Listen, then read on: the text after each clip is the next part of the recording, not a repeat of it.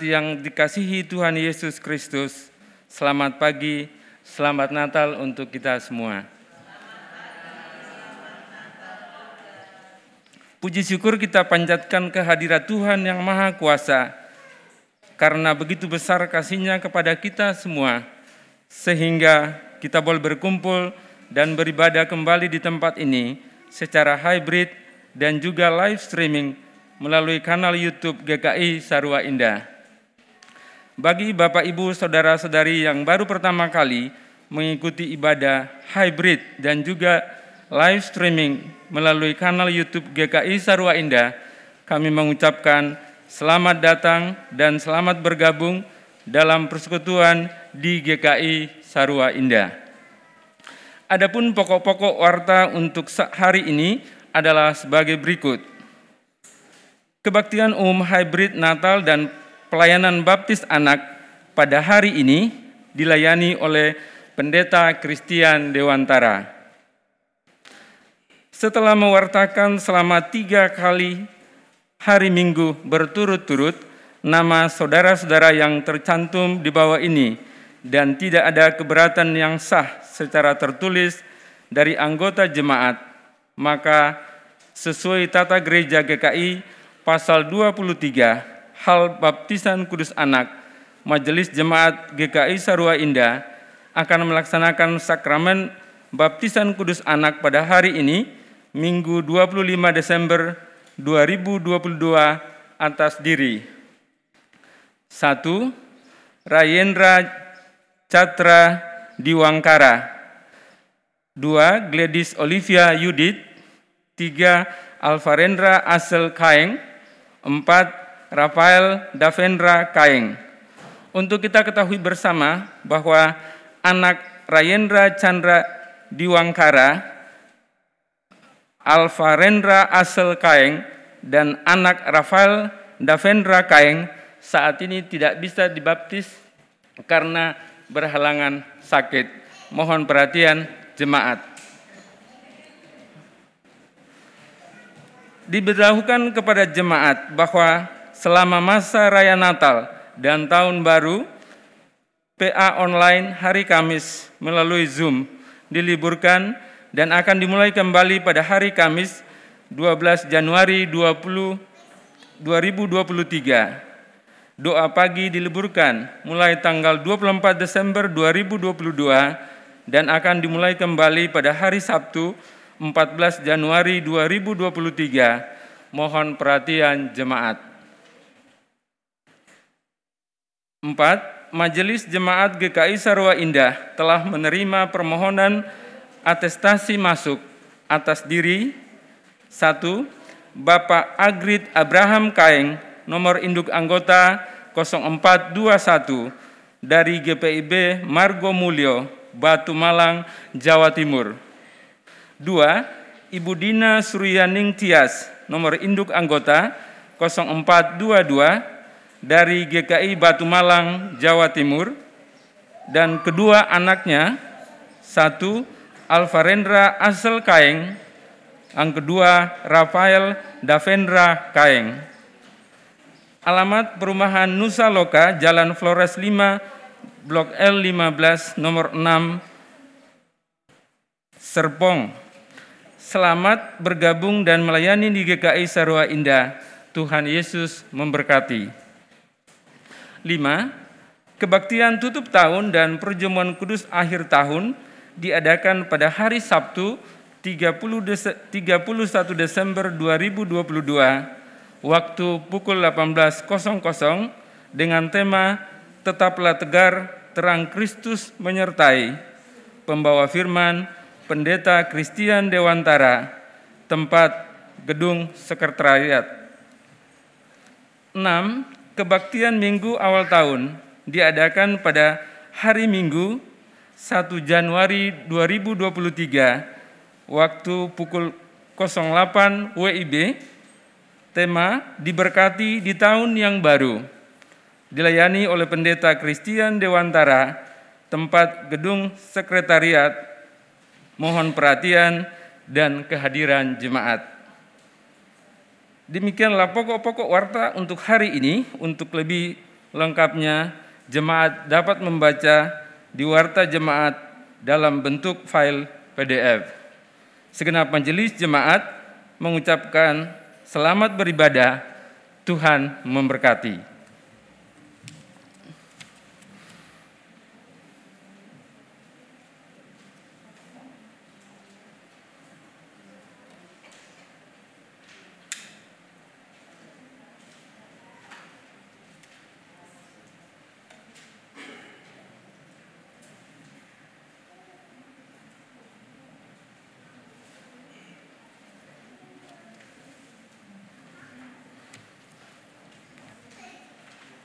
Terang ilahi hadir menyapa dunia tanpa cahaya. Sinarnya membawa asa bagi dunia yang tak berdaya. Sambutlah dia, Yesus Sang Juru Selamat segala bangsa. Beritakanlah hadirnya pada dunia, supaya semua ciptaan Allah beroleh rahmatnya. Saudara, inilah berita Natal permaklumkan kabar gembira ini kepada dunia. Mari jemaat bangkit berdiri. Kita bersama-sama menyanyikan Kidung Jemaat 119 bait 1, 2 dan 4. Hai dunia, gembiralah.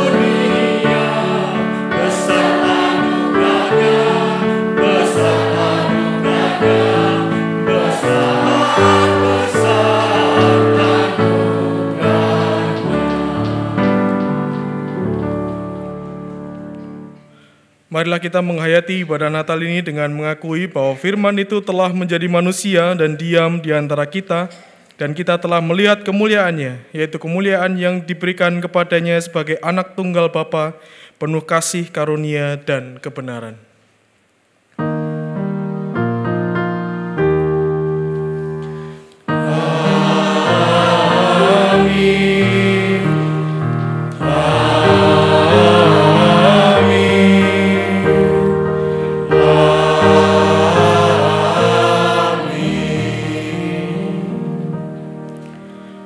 Sumber sejahtera menyertai saudara sekalian. Silakan duduk.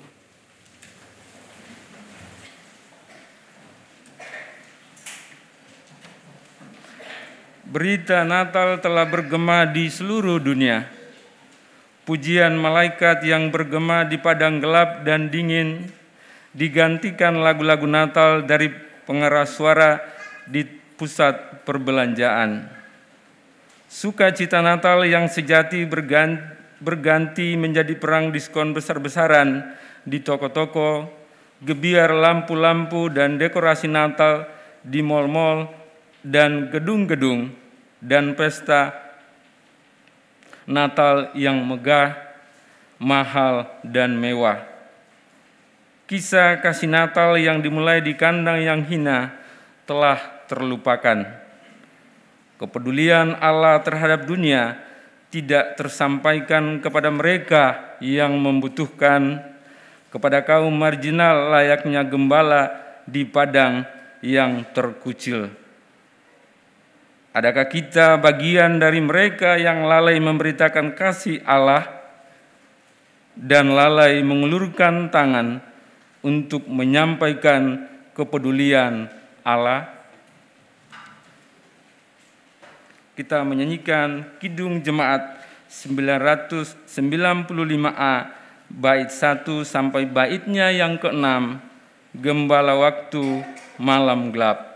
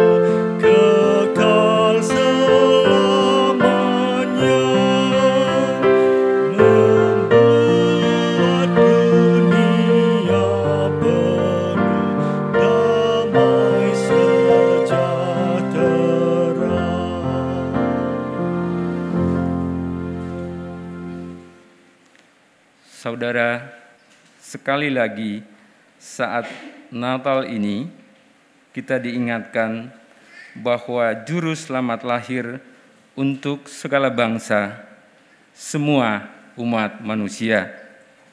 Kita diutus untuk menyampaikan kasih Allah kepada setiap orang di sekitar kita.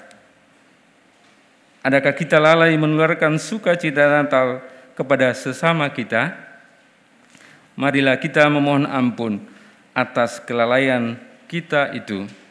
Mari jemaat berdoa secara pribadi dan saya akan menutupnya dengan doa pengakuan dosa.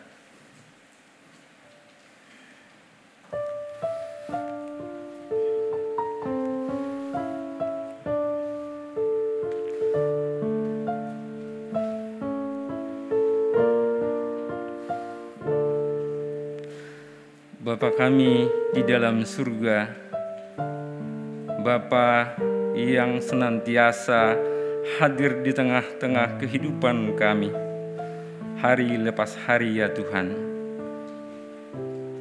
Dan kami bersyukur pada saat ini ya Tuhan, kami diberikan kesempatan untuk merayakan Natal. Kiranya Natal ini ya Tuhan, akan memberikan sukacita, sukacita kepada kami pribadi lepas pribadi, sukacita di dalam keluarga kami, sukacita di dalam jemaat kami GKI Sarwa Indah. Allah Bapa di dalam surga, sering kami lalai ya Tuhan untuk menjadi pembawa damai, pembawa sukacita di mana pun kami berada kami gagal ya Tuhan untuk menyampaikan berita sukacita kepada orang tua kami, kepada anak-anak kami, kepada teman-teman kami, kepada kawan-kawan kami. Ampuni kami ya Tuhan. Dan biarlah di hari-hari yang akan kami tuju Tuhan, di hari-hari yang akan kami lalui, kami dimampukan untuk menjadi pembawa damai, pembawa sukacita untuk sesama kami, khususnya untuk orang-orang terkasih kami. Inilah doa kami Tuhan, dalam nama anakmu Yesus Kristus, kami berdoa dan memohon. Amin.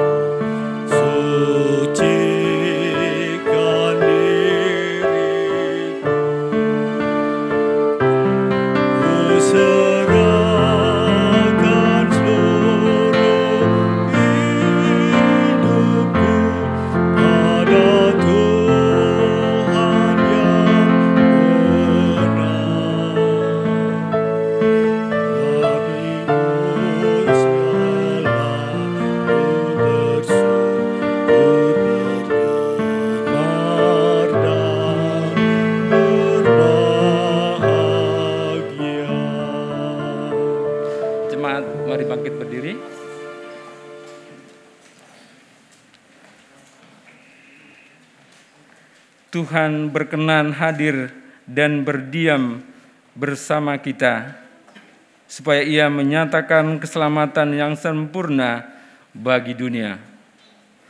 Inilah anugerah Tuhan seperti yang dikatakan Sakaria dalam Lukas 1 ayat 68 sampai 69. Terpujilah Tuhan Allah Israel sebab ia melawat umatnya dan membawa kelepasan baginya.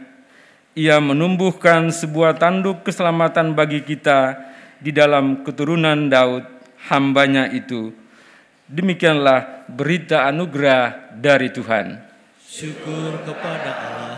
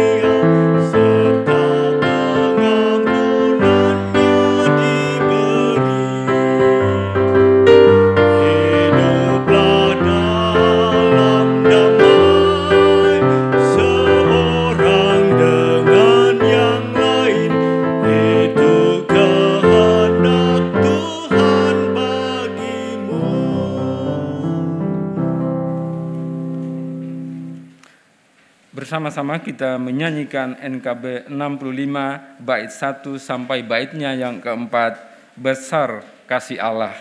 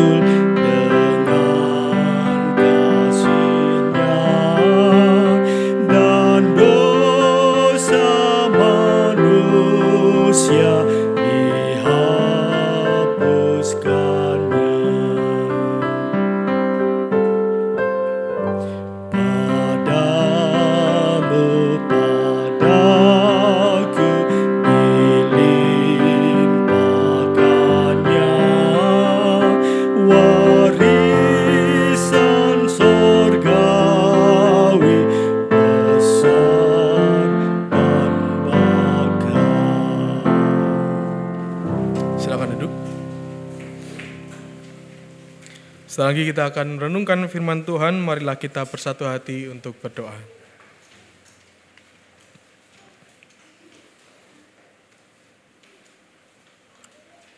Kami mengucap syukur untuk kasih setiamu Tuhan, setelah semalam yang lalu kami boleh merayakan ibadah malam Natal bersama, dan saat ini kami boleh bangun, kami berhimpun, dan saat ini kami hadir di tempat ini, maupun saudara kami yang mengikuti secara live streaming, boleh juga bersiap merenungkan firman Tuhan.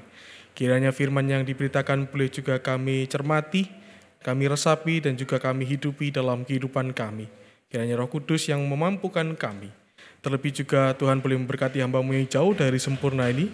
Kiranya Tuhan boleh menolong dan memampukan. Demi Kristus kami berdoa. Amin.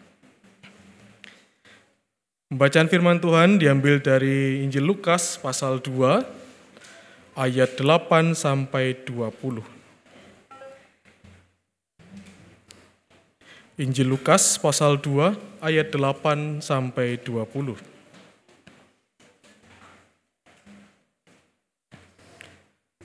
Demikian. Di daerah itu ada gembala-gembala yang tinggal di padang menjaga kawanan ternak mereka pada waktu malam. Tiba-tiba berdirilah seorang malaikat Tuhan di dekat mereka dan kemuliaan Tuhan bersinar meliputi mereka dan mereka sangat ketakutan.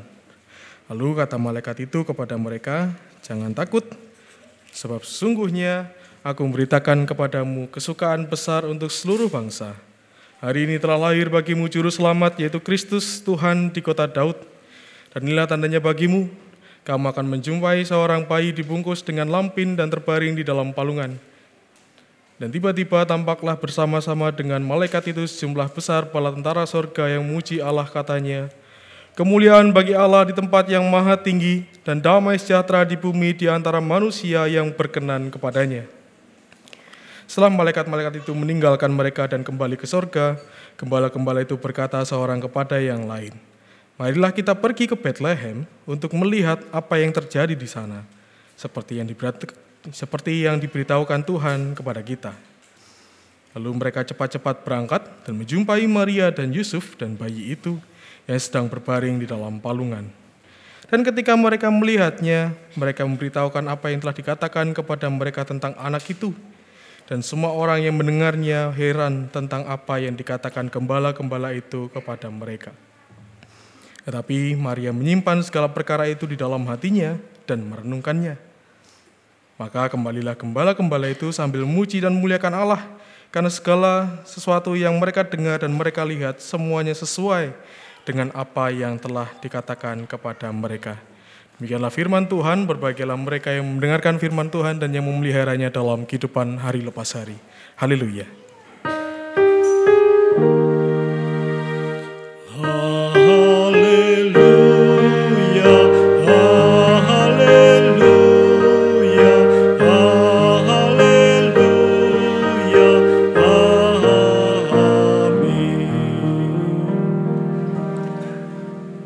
Ibu Saudara, kalau ditanya seberapa eksklusif orang Kristen itu, jawab kita kira-kira apa?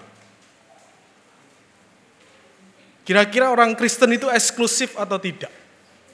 Kalau dibalik begitu, bagaimana jawaban kita? Mungkin ada banyak perspektif ya jawabannya ya. Tetapi kalau kita melihat salah satu tempat ibadah yang tidak ramah anak dalam tanda kutip adalah gereja. Contohnya, kalau ibadah begini, ada anak-anak yang lari-lari, orang pada gini kan?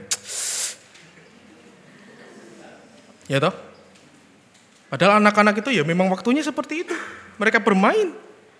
Mereka belum mengerti bagaimana harus mengikuti ibadah dengan baik.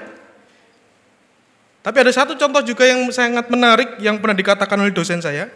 Dosen saya ini cukup unik dan memang agak iseng, saudara-saudara. Jadi ketika Natal setelah melakukan dan melayani ibadah Natal gini, mereka jalan ke mall, jalan-jalan begitu.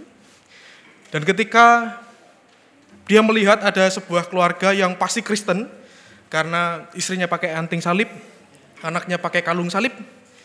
Datanglah dosen saya ini dengan tiba-tiba, selamat Natal ya Pak. Orang ini begini. Takut. Padahal jelas-jelas sama-sama Kristen. Pundit- Dosen saya masih pakai kemeja yang pakai kolar. Dan tiba-tiba itu semua menjadi sesuatu yang sangat canggung. Dan dalam mall itu dia meneruskan hal itu dan ternyata tidak semua orang menyambut ucapan Natal. Nah sering kali kita tanpa sadar kehidupan iman kita ini ternyata sangat eksklusif. Menjadi sangat tertutup sehingga banyak hal anugerah yang Tuhan berikan itu tidak bisa kita baca dengan cermat. Salah satunya, kenapa kekristenan menjadi sangat eksklusif adalah karena perayaan-perayaan Natal itu sering kali dibuat secara megah dan mewah, seperti saya katakan dalam malam kemarin. Kita melihat di mall begitu luar biasa, dekorasinya di gereja-gereja begitu luar biasa.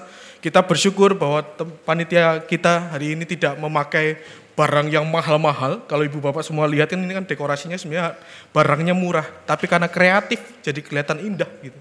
Tapi ada banyak gereja-gereja yang memakai pohon Natalnya misal sampai tingginya minta ampun, nyari rekor begitu ya. Dan itu menghabiskan dana gereja sekian juta gitu. Jadi orang-orang yang datang, orang-orang yang sederhana datang ke gereja sering kali jadi minder.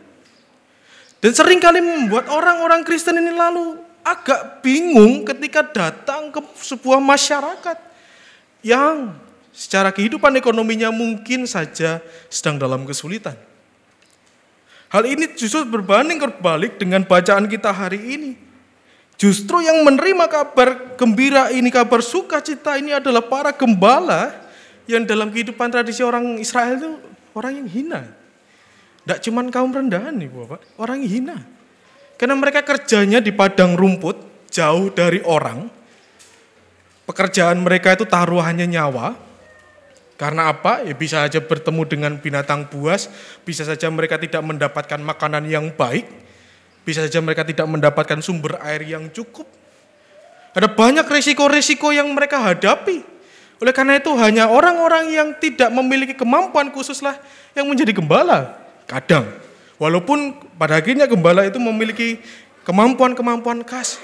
Para dombanya itu mendengar dan mengenal betul gembalanya. Tapi secara kehidupan sosial, mereka ini terpinggirkan. Mereka ini menjadi orang-orang yang dijauhi. Bayangkan nih Bapak Saudara, bekerjanya di padang seperti itu, kira-kira mandi enggak? Enggak. Apakah kira-kira memakai baju lenan yang halus seperti para imam di bait Allah? Enggak mungkin. Wong ketemunya debu, ketemunya barang-barang yang kotor, enggak mungkin mereka memakai baju-baju yang indah. Tetapi itulah yang dipakai Allah untuk mendapatkan kabar sukacita. Mereka dipakai Allah tidak hanya untuk menjadi pelengkap kisah Natal, tapi justru menjadi bagian utuh dalam kisah itu. Kita melihat dalam bacaan kita, dia dikatakan para gembala ini diceritakan dalam satu perikop. Satu bagian yang begitu luar biasa ketika mereka berjumpa, didatangi oleh para malaikat, bahkan mereka mendengar nyanyian bala tentara sorga. Di ayat 13 dan 14 yang kita baca tadi. Ini kan sesuatu pengalaman yang sungguh luar biasa begitu, yang dialami oleh para gembala. Hidup mereka yang jauh dari kenyamanan, hidup mereka yang bahkan ya hidupnya kurdi, syukur jadi, tapi dipakai Tuhan dengan begitu luar biasa, bahkan dicatat dalam Alkitab, dan kita baca setiap tahun. Lalu yang kedua adalah ada sosok yang paling penting juga dalam kisah Natal kita, yaitu Kaisar Agustus. Yang memang tidak menjadi bagian bacaan kita hari ini, tetapi menjadi bacaan kita tadi malam. Kaisar Agustus ini Bapak Ibu Saudara adalah kaisar yang cukup lama memerintah di Romawi. Dan dia dianggap sebagai kaisar yang berhasil karena memberikan situasi kondusif. Bahkan ada yang menyebutkan Kaisar Agustus ini disebut sebagai juru selamat dunia. Apa maknanya? Akibat dari keputusan Kaisar Agustus ini, Yusuf dan Maria harus ikut sensus dan mereka kembali kepada kaumnya di Yudea. Karena dia keturunan kaum dari Daud gitu ya.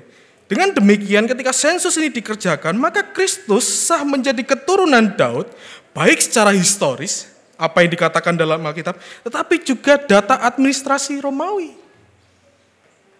Bayangkan, keturunan Daud ini yang menjadi sesuatu hal yang sangat besar, tidak hanya diperkatakan oleh para nabi, tetapi juga dicatat secara resmi oleh negara yang waktu itu sangat berkuasa, yaitu Romawi. Itu artinya bahwa kehadiran Kristus Juru Selamat tak hanya bagi orang Yahudi, tapi juga bagi orang Romawi pada masa itu, dan kita juga pada masa kini. Ini menjadi sebuah simbol bahwa Tuhan memakai bukan hanya untuk Yahudi saja, untuk dinyatakan keselamatan, tapi juga orang-orang di luar Yahudi juga mendapatkan keselamatan. Dan juga Tuhan menyatakan bahwa karyanya tidak hanya eksklusif melalui orang-orang Yahudi. Tuhan memakai Kaisar Agustus yang bukan Yahudi, orang Roma, yang tak mengenal Allah mungkin saja, tapi dia dipakai untuk menggenapi rancangannya. Dan ini sejalan dengan apa yang dikatakan dalam kisah Rasul 13 ayat 47, Paulus mengatakan di sana bahwa harusnya terang itu didatangkan kepada siapa pun, diwartakan kepada siapa pun, dan keselamatan harus datang sampai ke ujung bumi. Dari hal ini kita bisa menggumulkan bahwa sebenarnya kasih Kristus itu bagi semua orang, tak memandang latar belakang seperti apa pun. Ia menerima semua orang yang mau bertobat dan mengikut jalannya. Kehadiran Kristus tidak eksklusif di tengah situasi yang tidak nyaman, didatangi oleh orang-orang yang hina. Dan kejadian itu juga salah satunya atas prakarsa kaisar yang tidak mengenal Allah. Lalu bagaimana dengan kita saat ini? Lalu bagaimana kehidupan iman kita sebagai orang Kristen? Apakah kita akan terus menjadi Kristen yang eksklusif, yang tak mau mewartakan keselamatan? Apakah kita lalu menjadi merasa tidak perlulah merengkuh kelompok itu tidak level. Ya, tidak apa-apa. Apakah kita lalu merasa kita ya kita bertemannya dengan orang Kristen yang selevel sajalah sama kita. Yang se, segaris lah sama kita. Yang di bawah-bawah kita levelnya tidak perlu kita temani. Bukankah sering kali dalam kehidupan bersekutu dan bergereja, kita tanpa sadar melakukan itu juga. Kita melakukan pertemanan yang tidak tulus melihat bagaimana latar belakangnya. Melihat bagaimana orang itu kehidupannya. Apakah selevel dengan kita atau tidak. Kalau itu yang kita lakukan, itu berarti sungguh memprihatinkan. Kalau Tuhan Allah saja mau memakai siapa pun termasuk Kaisar Agustus dan juga para gembala untuk mengenapi rancangannya, mengapa justru kita yang membatasi karya Allah? Mengapa justru kita yang lalu mengelompok-kelompokkan dan membangun tembok yang semakin tinggi? Kembali lagi dengan pertanyaannya, apakah gereja kita juga ramah kepada anak-anak yang saat ini kita juga nanti akan melayankan baptisan kudus bagi anak? Apa gereja kita mau ramah dengan siapa pun? Apa gereja lalu gereja kita lalu pilih-pilih? Kalau misal atestasi, lihat dulu rumahnya bagus enggak gitu. Kalau enggak bagus, enggak usah diterima lah. Atau lihat dulu misal, wah keluarganya ini pekerjaannya enggak terlalu baik, enggak usah diterima atestasinya gitu. Mau gitu? Enggak. Oh, MD saja bilang enggak. Semuanya diterima. Asalkan ya tentu dengan hal-hal yang dipastikan dia benar-benar orang Kristen dan beriman kepada Kristus, ya bukan lalu semerta-merta orang mau jadi anggota gereja, oh ya silahkan tapi tidak tahu asal-usulnya seperti apa. Saat ini kita diajak untuk memiliki gereja yang terbuka. Kita bersyukur bahwa gereja kita memiliki program-program yang juga menyentuh masyarakat sekitar, baik melalui dana anggota ataupun juga bantuan-bantuan yang diberikan dan mungkin saja suatu ketika kita juga memiliki pelayanan dengan wujud yang lain. Misalnya saja membuat karya yang membuat mereka dibekali, tidak hanya diberi, tapi orang-orang sekitar kita bekali untuk mendapatkan pekerjaan yang lebih baik lagi mungkin. Untuk mendapatkan pemasukan yang lebih baik mungkin. Dengan cara-cara yang kita bisa. Natal kali ini kita diajak untuk melihat bahwa juru selamat yang bang, juru selamat bangsa yang telah lahir ini juga merengkuh siapa pun yang ada di sekitar kita. Oleh karena itu mulailah nyatakan dalam sekolah kita mungkin, dalam pekerjaan kita, dalam relasi lingkungan kita dan pertemanan kita.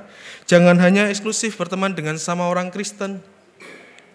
Seringkali ini muncul di dalam kehidupan kita ketika misal khususnya kehidupan di perumahan-perumahan.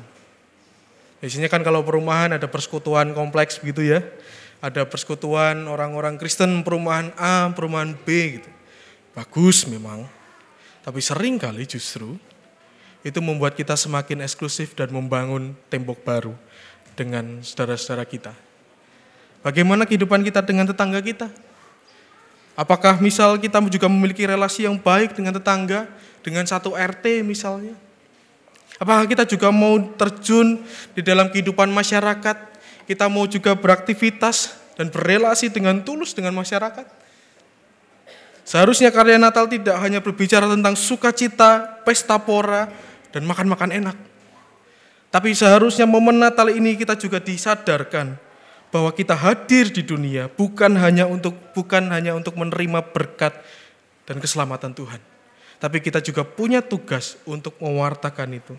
Hadirlah di tengah konteks hidup yang begitu beragam yang saudara-saudara miliki, baik itu di perkotaan, di desa, di dalam perumahan, di perkampungan, di dalam relasi kantor atau apa pun.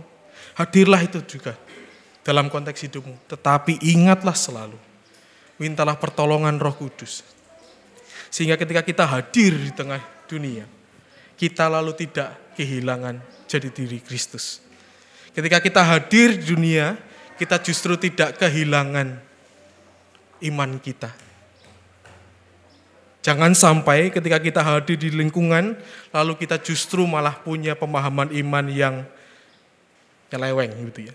Punya pemahaman, pemahaman iman yang lalu tiba-tiba aneh karena berjumpa dengan banyak hal.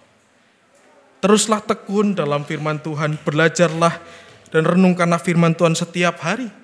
Dan mintalah pertolongan roh kudus. Sehingga ketika kita hadir di tengah dunia, identitas kita tetaplah identitas anak-anak Tuhan. Bukan hanya Kristen KTP atau hanya bukan hanya dikenal sebagai oh itu orang Kristen. Sudah cukup, begitu saja. Lalu momen Natal ini kita juga diajak untuk merayakan salah satu sakramen yang Tuhan nyatakan dan perintahkan kepada kita, baptisan anak. Yang sayangnya seharusnya hari ini ada empat anak yang dibaptis tetapi ada tiga anak yang sakit. Ini tentu menjadi sebuah keprihatinan bagi kita semua bahwa di tengah cuaca yang begitu tidak bersahabat ini anak-anak menjadi sangat rentan dan rawan. Oleh karena itu nanti kita juga kita doakan untuk anak-anak yang seharusnya baptis hari ini tetapi batal karena sakit. Kita juga diajak untuk menerima anak-anak sebagai bagian yang utuh dalam persekutuan kita. Janganlah lihat anak-anak ini sebagai warga gereja kelas 2. Janganlah lihat anak-anak ini sebagai yang mengganggu jalannya ibadah atau yang membuat riwah gitu. Enggak. Lihatlah anak-anak ini dengan keutuhan mereka, dengan kekasan mereka, dengan keunikan mereka. Lihatlah anak-anak ini sebagai sebuah anugerah yang Tuhan berikan. Lihatlah anak-anak ini sebagai sebuah sukacita di tengah kita. Sehingga mereka pun juga boleh belajar apa itu arti keselamatan bagi kita. Untuk para orang tua, tentunya punya tanggung jawab yang besar ketika mereka membaptiskan anaknya. Tidak hanya di momen saat inilah baptis itu berbicara. Tetapi setelah baptisan orang tua juga memiliki tanggung jawab untuk juga mendidik para anak-anak untuk mengenal Kristus dengan benar.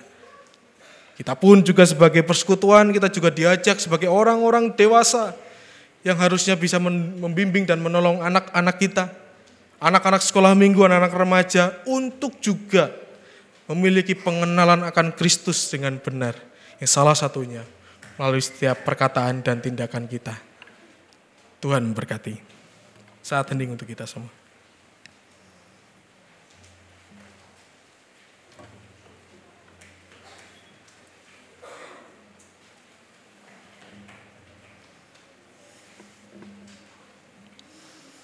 Kini akan dilayankan baptisan kudus bagi anak-anak yang orang tua atau walinya telah menyatakan iman mereka untuk membaptiskan anak-anak mereka. Sesuai dengan titah Tuhan Yesus Kristus sendiri yang ia katakan kepada murid-muridnya dalam Injil Matius 28 ayat 19 sampai 20a yang berbunyi demikian. Pergilah, jadikanlah semua bangsa muridku dan baptislah mereka dalam nama Bapa, Anak, dan Roh Kudus, dan ajarlah mereka melakukan segala sesuatu yang telah kuperintahkan kepadamu.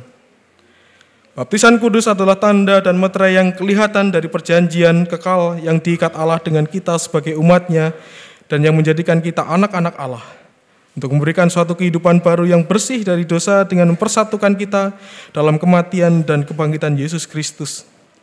Anak-anak dibaptiskan berdasarkan iman orang tua atau walinya bahwa perjanjian Tuhan juga berlaku bagi anak-anak mereka. Melalui baptisan kudus anak-anak, anak-anak pun juga turut dipersatukan dengan tubuh Kristus, yaitu gereja yang kudus dan am. Roh Kudus akan memimpin, mengingatkan, dan mendorong kita, termasuk anak-anak, untuk berperan serta dalam melaksanakan misi Allah di dunia. Roh Kudus jugalah yang akan terus-menerus membarui kita hingga kelak dengan tidak bercacat celah kita menghadap Tuhan dan dipersatukan dengan jemaat Yesus Kristus dalam hidup kekal. Dan Roh Kudus akan terus-menerus menolong orang tua atau wali dan anak-anaknya sehingga kelak anak-anaknya akan mengakui iman percayanya sendiri dalam persatuan dengan jemaat Yesus Kristus. Marilah kita berdoa. Kami bersyukur dan memuliakan namamu, Bapa yang maha pengasih. Pada awal penciptaan rohmu yang kudus melayang di atas air untuk memberikan terang dan kehidupan. Air yang kau berikan dapat menghanyutkan dan menenggelamkan, tapi juga memberi kehidupan, melenyapkan kehausan, membersihkan dan menyuburkan. Dengan air bah engkau menghukum orang berdosa, tapi memberikan kehidupan yang baru bagi orang yang benar. Melalui air laut merah engkau membinasakan tentara Mesir dan menyelamatkan umatmu menuju ke tanah perjanjian yang penuh kehidupan.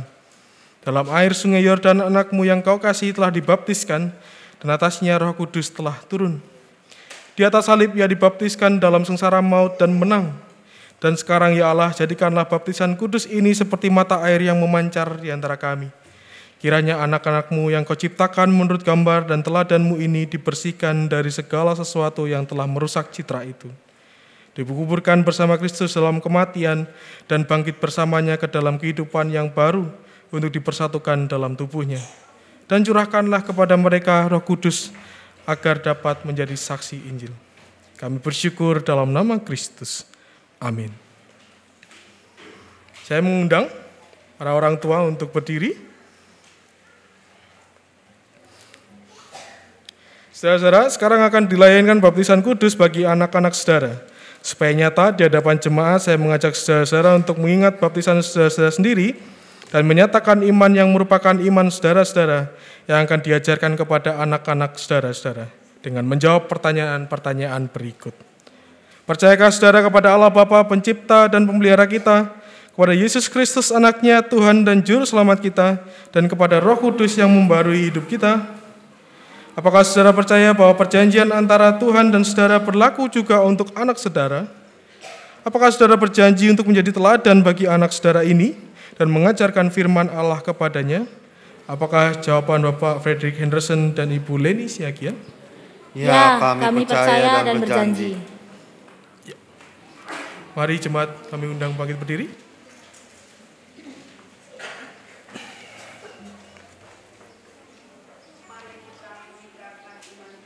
bersama-sama dengan saudara-saudara yang akan membaptiskan anaknya dengan mengucapkan pengakuan iman rasuli. Aku percaya kepada Allah Bapa yang Maha Kuasa, Halik langit dan bumi, dan kepada Yesus Kristus, anaknya yang tunggal Tuhan kita, yang dikandung daripada roh kudus, lahir dari anak darah Maria, yang menderita sengsara di bawah pemerintahan Pontius Pilatus, disalibkan, mati dan dikuburkan, turun ke dalam kerajaan maut. Pada hari yang ketiga, bangkit pula dari antara orang mati, naik ke surga, duduk di sebelah kanan Allah, Bapa yang Maha Kuasa, dan dari sana ia akan datang untuk menghakimi orang yang hidup dan yang mati. Aku percaya kepada Roh Kudus, gereja yang kudus dan am, persekutuan orang kudus, pengampunan dosa, kebangkitan orang mati, dan hidup yang kekal. Amin. Silakan duduk kembali. Mari kita menyanyikan NKB 17 bait yang pertama, Agunglah kasih Allahku.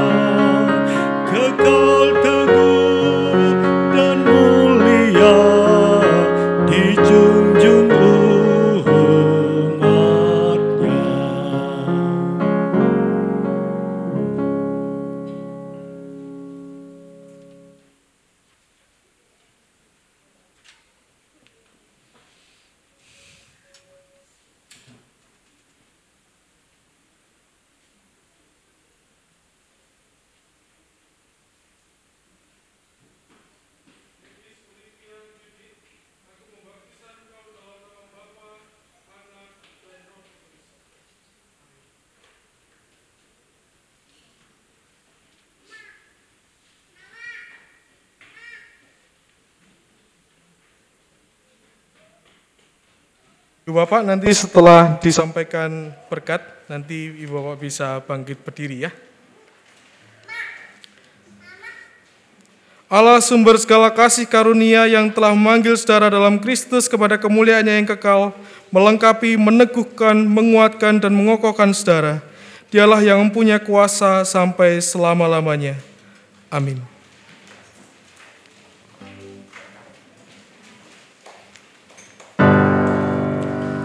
Ooh, Jesus.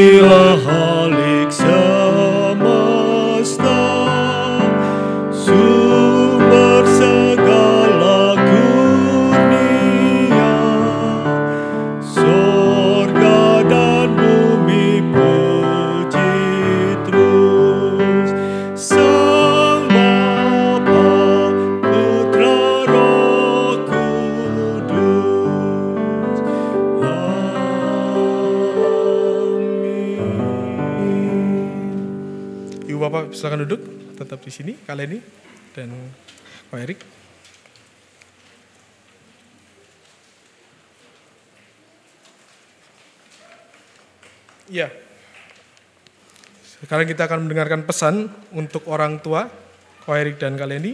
Saya dengan baptisan Tuhan memberi anak saudara kehidupan yang baru. Hendaklah saudara bersungguh-sungguh untuk membantu mereka agar mereka bertumbuh dalam iman sehingga kehidupan baru mereka semakin kuat setiap hari. Saudara perlu mendidik anak-anak saudara hingga mereka berangsur-angsur mengerti makna perjanjian Allah itu serta firman-Nya dan pada waktunya mengaku iman percayanya sendiri dengan sepenuh hati. Sekarang menghadap ke jemaat. Ya. Jemaat Tuhan yang berbahagia, terimalah anak ini sebagai anggota-anggota persekutuan tubuh Kristus dan pewaris kerajaan Allah dengan penuh kasih sayang. Dukunglah mereka dan orang tua wali mereka dalam mendidik iman mereka. Dengan sukacita dan syukur kepada Tuhan, kami menyambut saudara-saudara untuk bersama dengan kami bersekutu serta bersaksi dan melayani bagi Kristus, karena kita satu tubuh dalam Dia. Akan diserahkan piagam.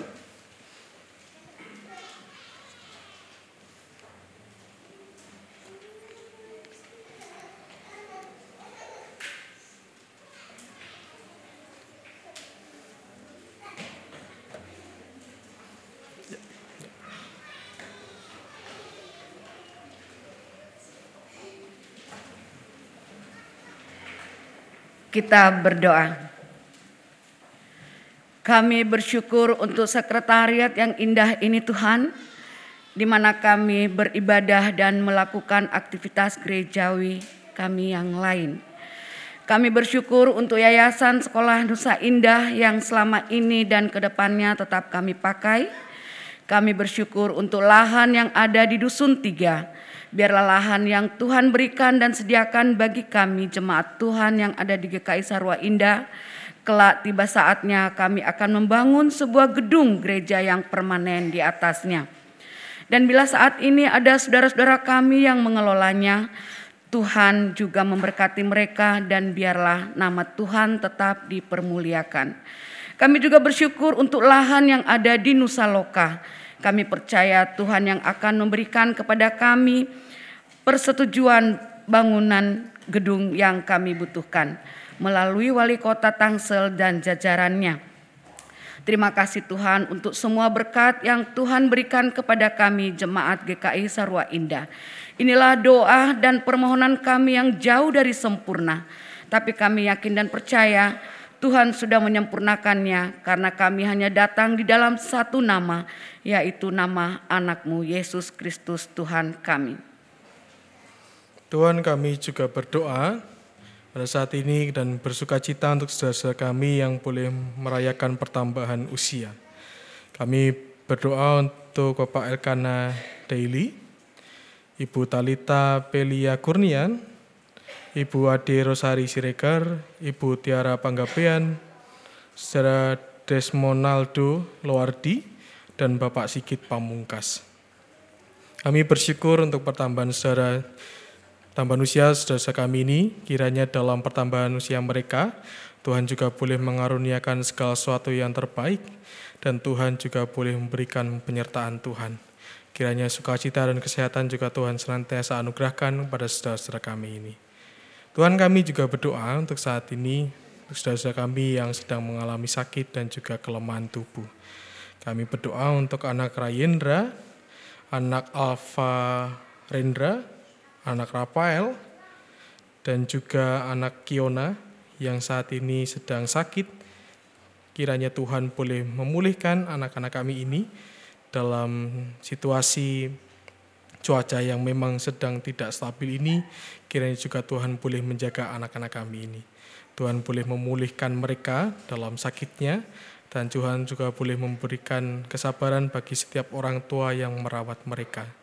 Kami juga berdoa untuk Ibu Dina Suryaning Tias yang juga saat ini sedang mengalami kelemahan tubuh, kiranya Tuhan juga boleh memberkatinya dan juga boleh memulihkannya dan juga Tuhan boleh nantiasa menolong dan memberkati.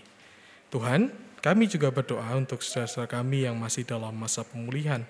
Kami juga berdoa untuk Ibu Mami Palon, Ibu Hana Panjaitan, Ibu Yulia Kristianti, Bapak Christian Utagalung, Ibu Nika Elizabeth Buki, Bapak Wahyu Hidayat, Ibu Yohana Triani, Ibu Maria Magdalena, Ibu Tambunan, Ibu Jumarti, Bapak RC Siagian, Bapak Rudi Pasaribu, Ibu Kristiana Eni, Ibu Sarah Jaya Sumadi, dan Ibu Deborah Lalu Tambing. Kiranya Tuhan juga boleh memberkati saudara kami ini yang masih dalam masa pemulihan. Tuhan boleh menolong segala sesuatu yang mereka pakai untuk pemulihannya, baik dokter, obat-obatan, ataupun alat-alat medis yang dipakai. Tuhan boleh menjadikan semua menjadi karya perpanjangan tanganmu, sehingga saudara kami ini juga boleh semakin pulih dan sehat. Tuhan kami juga bersyukur untuk perayaan Natal yang kami raya, rayakan pada saat ini. Kami bersyukur walaupun di tengah hujan dan cuaca yang tidak mendukung, Tuhan boleh mengantar kami di tempat ini untuk juga beribadah bersama. Kiranya sukacita Natal boleh kami rasakan dan boleh juga kami terus kumulkan dalam kehidupan kami. Sehingga walaupun masa raya Natal ini boleh kami lewati dan usai, kami juga tetap boleh merasakan kehadiran Tuhan dalam kehidupan kami. Tuhan boleh juga menolong kami untuk terus hidup seturut dengan kehendak-Mu. Dan kiranya Tuhan juga boleh memberikan sukacita di hati kami sepanjang waktu. Kami juga berdoa untuk segenap panitia yang juga sudah berjerih lelah untuk melayani kami. Kiranya Tuhan juga boleh memberkati segala sesuatu yang sudah mereka kerjakan. Kami juga berdoa untuk majelis jemaat dan setiap komisi yang pada saat ini akan menggumulkan dan menyusun program kerja mereka. Kiranya Tuhan boleh menolong sehingga setiap program kerja yang dipersiapkan juga boleh menjadi sarana untuk persekutuan kami di tempat ini dan juga untuk kemuliaan Tuhan dan terlebih juga menjadi tempat bagi kami boleh semakin mengenalmu. Inilah seluruh syukur dan permohonan kami Tuhan, yang kami alaskan dalam nama Tuhan Yesus Kristus yang telah mengajarkan kami berdoa demikian. Bapa kami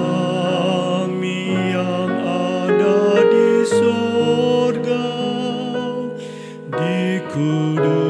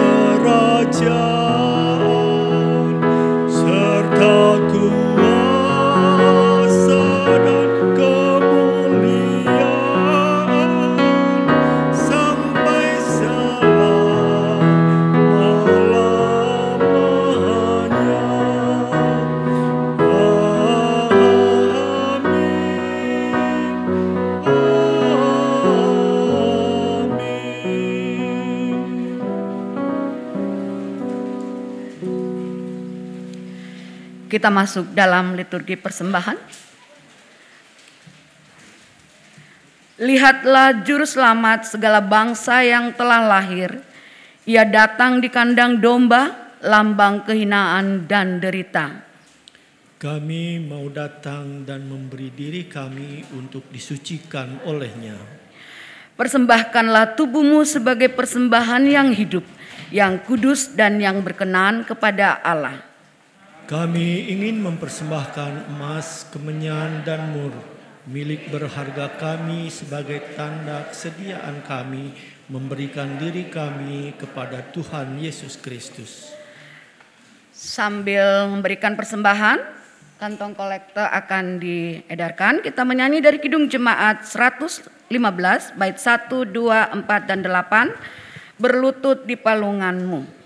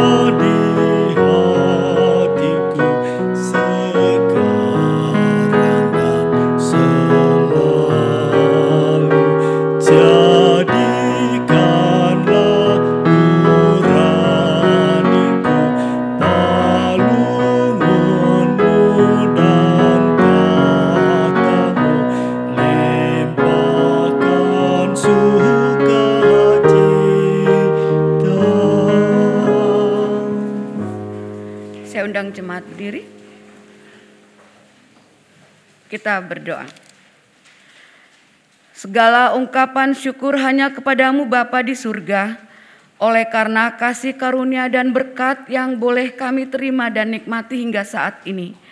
Kami tahu dan percaya semua berkat yang kami peroleh itu karena kemurahan Tuhan dalam kehidupan kami. Untuk itu Bapa, sebagai bukti ungkapan syukur kami kepadamu, saat ini kami hendak memberikan persembahan yang sudah kami kumpulkan. Kuduskan dan terimalah persembahan ini agar persembahan ini boleh menjadi berkat buat pelayananmu dan di mana pun persembahan ini diperuntukkan dan digunakan. Dan seberapapun yang kami berikan, kami sudah memberikannya dengan penuh syukur.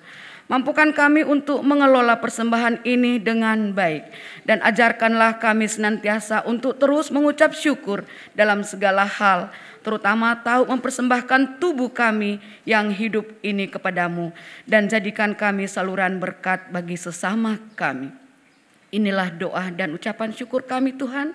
Terimalah karena kami hanya datang di dalam satu nama, yaitu nama anakmu Yesus Kristus Tuhan kami.